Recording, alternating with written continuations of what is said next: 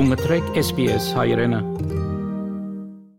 In the past few weeks, the Australian Armenian community and Australian Friends of Armenia have voiced their concerns about the humanitarian crisis in Artsakh. My guest is Michael Kolokossian, Executive Director of the Armenian National Committee of Australia, to give us updates on ANCA's work in support of the Armenian population blockaded in Artsakh. Michael, welcome to SBS Armenian.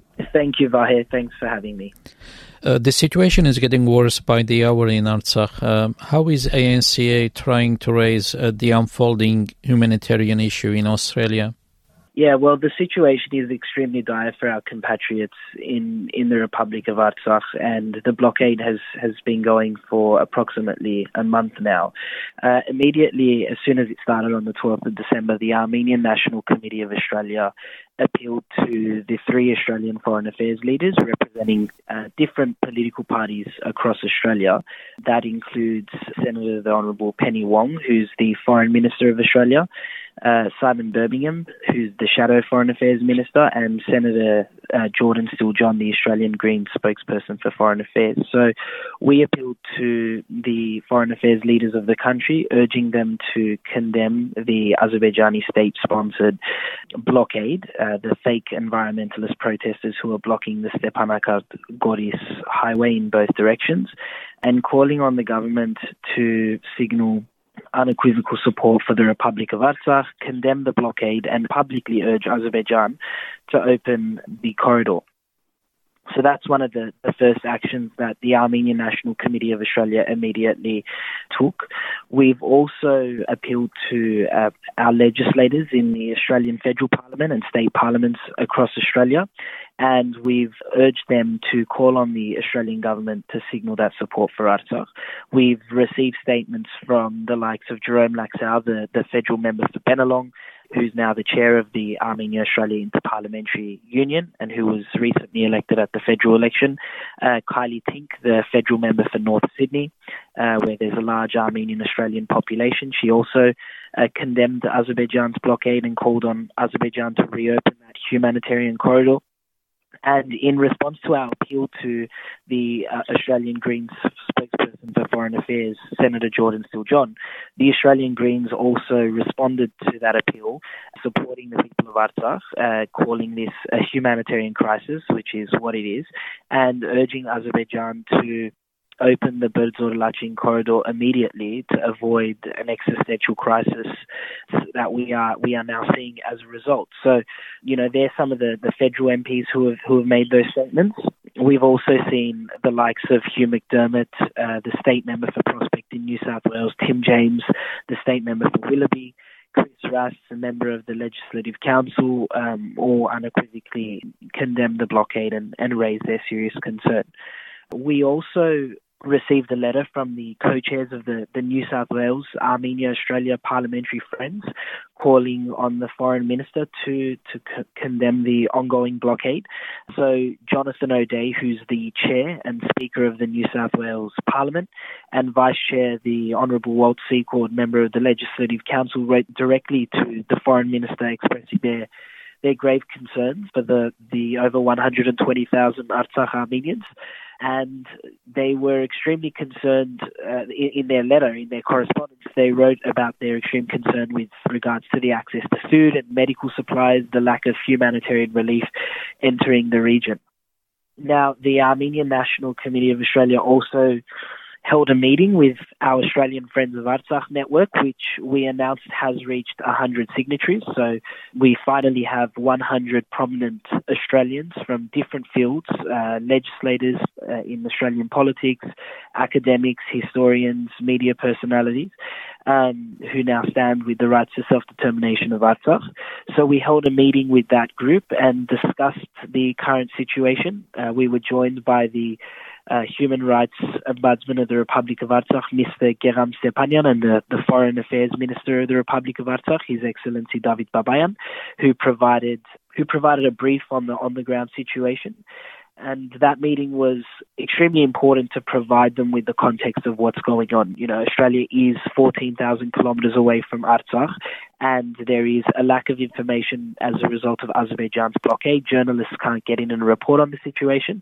So it was vital that the ANC provided that opportunity for our friends of Artsakh to hear what's happening and then for them to take the actions that they need to take the one other thing that I want to mention as a result of the ANC's appeal, so I already mentioned that the Foreign Affairs spokesperson for the Australian Greens condemned the attack.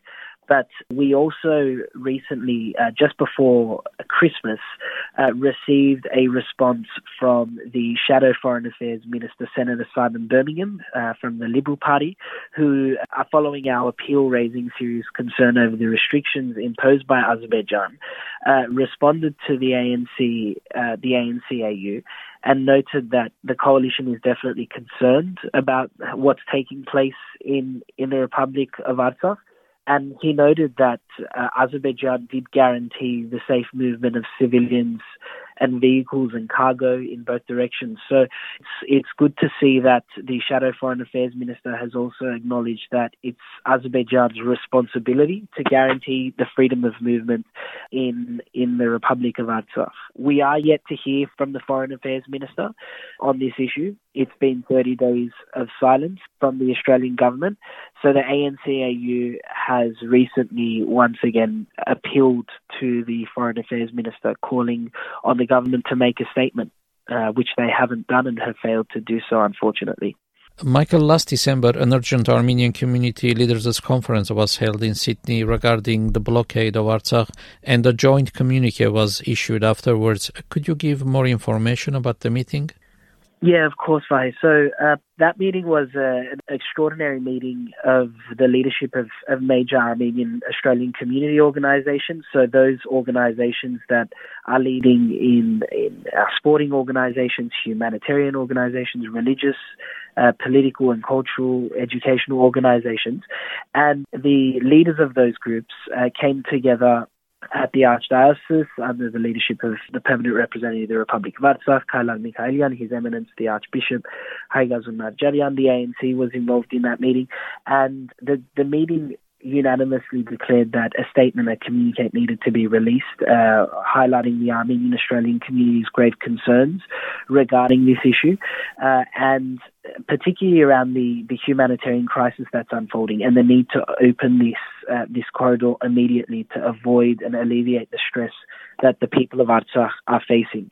The ANC was uh, a co-signatory of that statement uh, and assisted in, in drafting that statement along with other members of the community.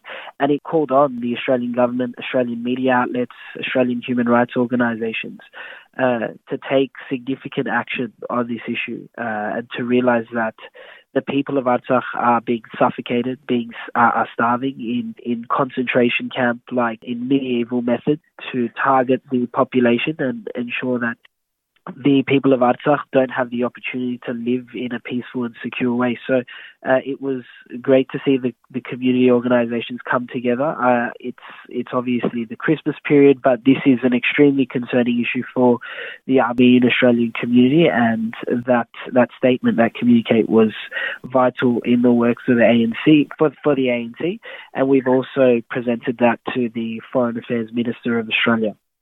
Michael, at the start of a new year, we usually do a recap of ANCA's uh, main activities of the past year. Last time we spoke, I think it was early November, you mentioned that you were having a special guest for ANCA's Advocacy Week. The guest was Mr. Arman Tatoyan. Could you give the highlights of his visit and ANCA's Advocacy Week? Yes, definitely. I, I didn't announce uh, the the name of the, the guest because we were still in, in in preparations of organising the trip. But uh, Dr. Arman Tatoyan did uh, come to Australia. He was visiting from Yerevan to headline the ANCAU Advocacy Week. He is the former human rights defender of the Republic of Armenia and the founder of the Center for Law and Justice Tatoyan Foundation. And he was here from the 28th of November to the 3rd of December 2022 to participate in the in the ANCAU Advocacy Week, which also included the highly anticipated Youth Advocates program that we run.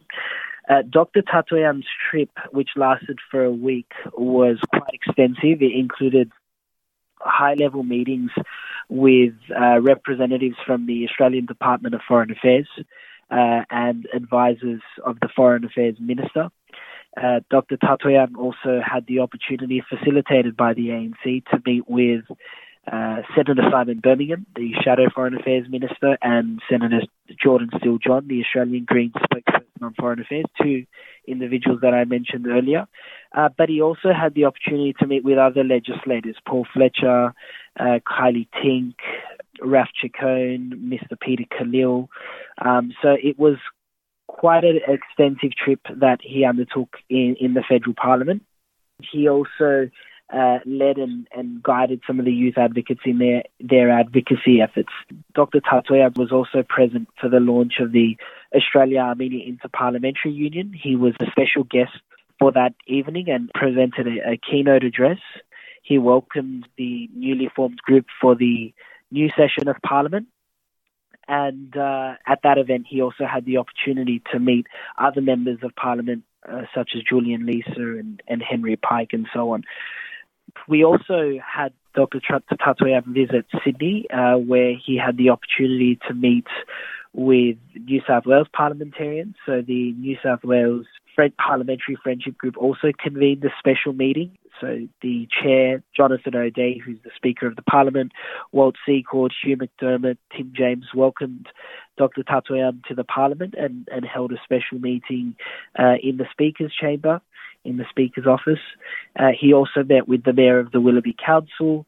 He met with uh, Australian human rights leaders uh, from different from various organisations, and also had the opportunity to present to Sydney's Armenian Australian community through through the week. So they had the opportunity to hear an unheard report um, from Dr. Tatoyan on the current situation in the Republic of Artsakh, particularly along the Gegharkunik and Syunik borders, uh, the Azerbaijani Gegharkunik, Azerbaijani Syunik borders, and the skirmishes and the attacks that Azerbaijan is conducting against the sovereign borders of the Republic of Armenia.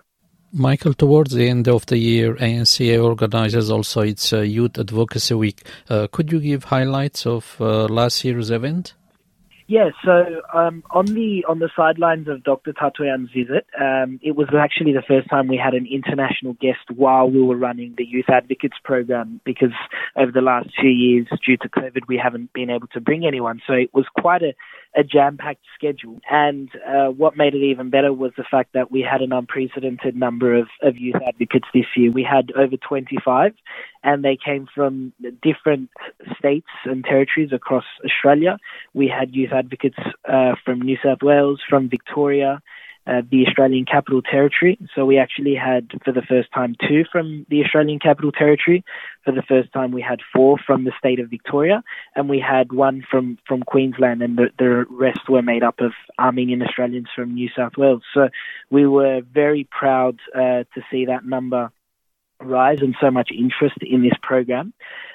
And that program is a two day advocacy crash course in the nation's capital, Canberra, which this year was supported by the ANCAU uh, internship program's Hagop Korchan Scholarship. So we're very thankful to the, the Korchan family for financially supporting this program this year. And that program encompassed various advocacy workshops. Some of those included uh, an advocacy do's and don'ts program, which was run by my predecessor, Haig Kayserian, and and Ronet Gabriel from the Executive Council of Australian Jewry. Uh, the youth advocates also had the opportunity to visit the National Press Club and met with James Massola, the National Affairs Editor of the of the Age and the Sydney Morning Herald publications, which were extremely, I think, insightful for those youth advocates studying in media. Um, they also had the opportunity, a couple of the other workshops that we ran was a mock advocacy uh, session where the youth advocates got to go into the offices of parliamentarians and actually discuss the issues important to them. Um, you know, the Armenian genocide for the Republic of Artsakh and Armenia's sovereign borders. And they held uh, a mock uh, debate chaired by Jerome Laxale, who's the chair of the Armenia Australia Parliamentary Friendship Group, and Stephen Bates, who's the Australian Greens youth representative, um, where they discussed their uh, current affairs issues uh, on refugees and Australia's refugee intake. The last thing I want to add in regards to that program um, is that for the first time, the youth advocates also had the opportunity to meet an extremely high level member of, of parliament. Uh, they had the opportunity to meet with uh, the opposition leader of the coalition, uh, Peter Dutton, and he provided the youth advocates with about a 20 minute opportunity to ask questions and, and speak to them about the importance of advocacy and, and the importance politics plays in the day to day lives of Australians. So I think the feedback that we received this year was that the program was greatly engaging, uh, and you know a lot of those youth advocates are already looking for other ways to get involved in the ANC, get involved in media, and get involved in politics. So I, for one, can say the program was a great success. It's one of my favorite youth outreach programs. It's one of the ways I, I got involved in the ANC uh, and wanted to stay involved. Um, so, yeah, I think it was a great success and a, another great year for the program.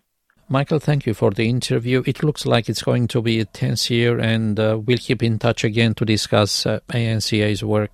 Thank you, Vahe. I appreciate the opportunity to speak about what the ANC is doing, and uh, and we'll be in touch soon.